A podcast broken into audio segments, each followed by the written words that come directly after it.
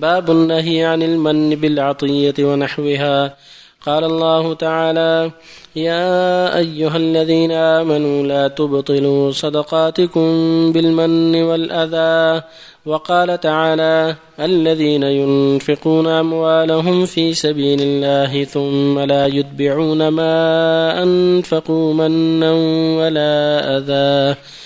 وعن أبي ذر رضي الله عنه عن النبي صلى الله عليه وسلم قال ثلاثة لا يكلمهم الله يوم القيامة ولا ينظر إليهم ولا يزكيهم ولهم عذاب أليم. قال فقرأها رسول الله صلى الله عليه وسلم ثلاث مرات. قال أبو ذر خابوا وخسروا من هم يا رسول الله. قال المسبل والمنان. والمنفق سلعته بالحلف الكاذب رواه مسلم. وفي رواية له المسبل إزاره يعني المسبل إزاره وثوبه أسفل من الكعبين للخيلاء. باب النهي عن الافتخار والبغي. قال الله تعالى فلا تزكوا أنفسكم هو أعلم بمن اتقى. وقال تعالى إنما السبيل على الذين يظلمون الناس ويبغون في الأرض بغير الحق أولئك لهم عذاب أليم. وعن عياض بن حمار رضي الله عنه قال قال رسول الله صلى الله عليه وسلم إن الله تعالى أوحى إلي أن تواضعوا حتى لا يبغي أحد على أحد ولا يفخر أحد على أحد. رواه مسلم.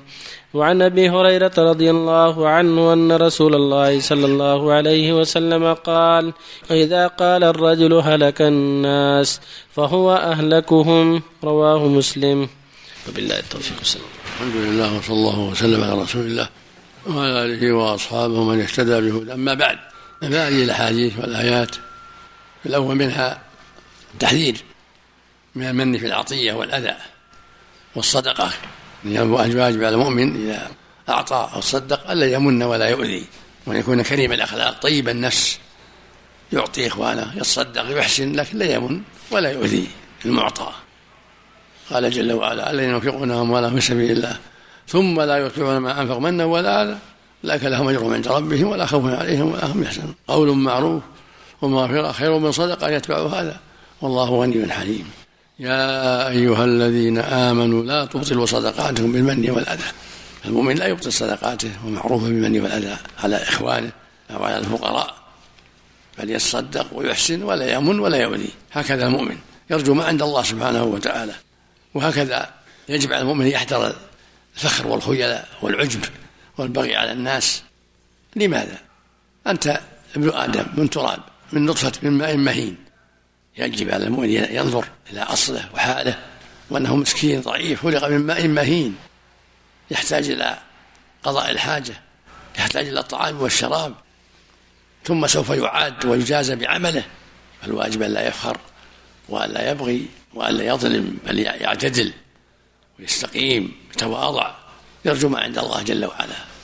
والله يقول فلا تزكوا أنفسكم هو له من اتقى فالمؤمن لا يزكي نفسه تفاخرا أو عجبا أو لمقاصد أخرى من المقاصد السيئة بل يتواضع لله ويخاف الله ويراقبه أينما كان. ولهذا يقول جل وعلا إنما السبيل الذين يظلمون الناس. ويبون الفضل بغير الحق. أولئك لهم عذاب أليم.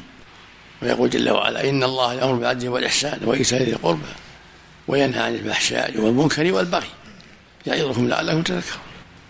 وفي حديث عياض بن حمار المجاشعي رضي الله عنه يقول النبي صلى الله عليه وسلم إن الله أوحى إلي أن تواضعوا حتى لا يبغي أحد على أحد ولا يفخر أحد على أحد. فالتواضع أمر مطلوب. يقول النبي صلى الله عليه وسلم ما زاد الله عبدا بعفو إلا عزة وما تواضع لله إلا رفعه. وإذا تأمل في نفسه وضعفه ومنشأه ومصيره أوجب له ذلك التواضع. أما إذا أعرض عن ذلك ونظر إلى ماله أو وظيفته أو جاهه قد يقره الشيطان فيتكبر ويبغي فالواجب الحذر الحديث الصحيح يقول النبي صلى الله عليه وسلم ثلاثة لا يكلمهم الله ولا ينظرهم يوم القيامة ولا يزكيهم ولهم عذاب أليم المنان فيما أعطاه والمنفق سلعته بالحلف الكاذب والمسبل إزارة فالمؤمن يحذر. ألا يقع في هذه المشاكل. والإسبال في الغالب يكون عن التكبر. ولهذا في الحديث الصحيح من جر ثوبه خيلاء لم ينظر الله اليه يوم القيامة. وقد يتساهل ويسبل ولا يريد التفاخر ولا البغي ولا الكبر. ولكن يحذر. والحديث الصحيح أن الصديق رضي الله عنه. قال يا رسول الله إن يزال يتفلت علي إلا ان اتعاهده قال لست ممن يفعله خيلاء فالمؤمن إذا تعاهد إزارة وتعاهد ثيابه سلم من هذا الوعيد. لكن من جر ثوبه يتهم بالخيلاء يمنع من ذلك. من يفتش على قلبه؟ الصادق الذي ليس يجر ثوبه خيالا الصادق يصون ثيابه ويرفع ثيابه ويصون عرضه. ولهذا لم يقيده النبي صلى الله عليه وسلم قال المسبل وزاره وأطلق. قال ما أسفل من الكعبين من الإزار فهو في النار وأطلق. فدل على أن يحرم الإسبال مطلقا. ولكن مع الكبر يكون الإسم أعظم. فالمؤلف حين قيد بالخيلاء ليس على إطلاقه بل مع الخيلاء يكون أشد اثما ولا في الرسول في الأحاديث الكثيرة لم لم يقيد.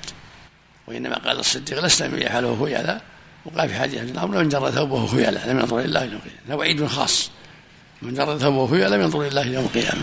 وهكذا من أسبل إزارة أو بشتة أو سراويلة أو قميصة فيه الوعيد.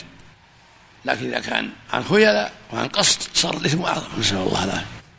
والحديث الصحيح صلى الله عليه وسلم من قال هلك الناس فهو أهلكهم. يعني فهو أشدهم هلاكا. الرواية المختارة أهلكهم بالضم. وروى بعضهم فهو أهلكهم. يعني فهو الذي أهلكهم ولا ما ولكن هو الذي أهلكهم بقوله. والأرجح في الرواية فهو أهلكهم. يعني أشدهم هلكا لأن في الغالب يقول ذلك عن تكبر عن تعاظم عن عجب بنفسه وعمله. هلك الناس؟ لا. لا تقول هلك الناس. أما هلك الأكثرون ما كان وما أكثر الناس ولو حرصت من أكثر الناس على الباطل كما قاله الله عز وجل. لكن أن لا تقول هلك الناس. قل هلك الأكثرون كما قال الله لا بأس. ثم احذر أن تقول هذا عجبا وتكبرا.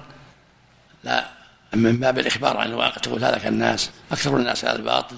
كالتعزية عند وجود المنكرات.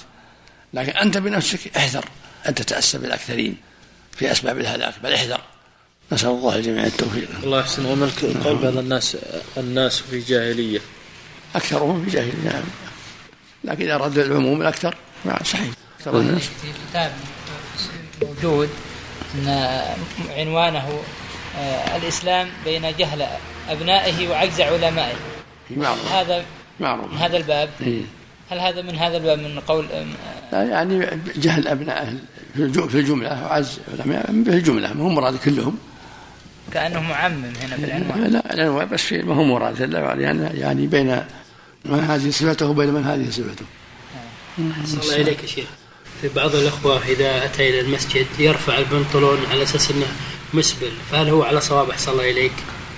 يرفع البنطلون على أساس أنه ما يكون مسبل. حال الصلاة. في حال الصلاة فقط أحسن الله إليك. الواجب عليه رفع دائما مو بس في حال الصلاة. أحسن الله. الواجب عليه دائما يلاحظ البنطلون وغير البنطلون يرفعه.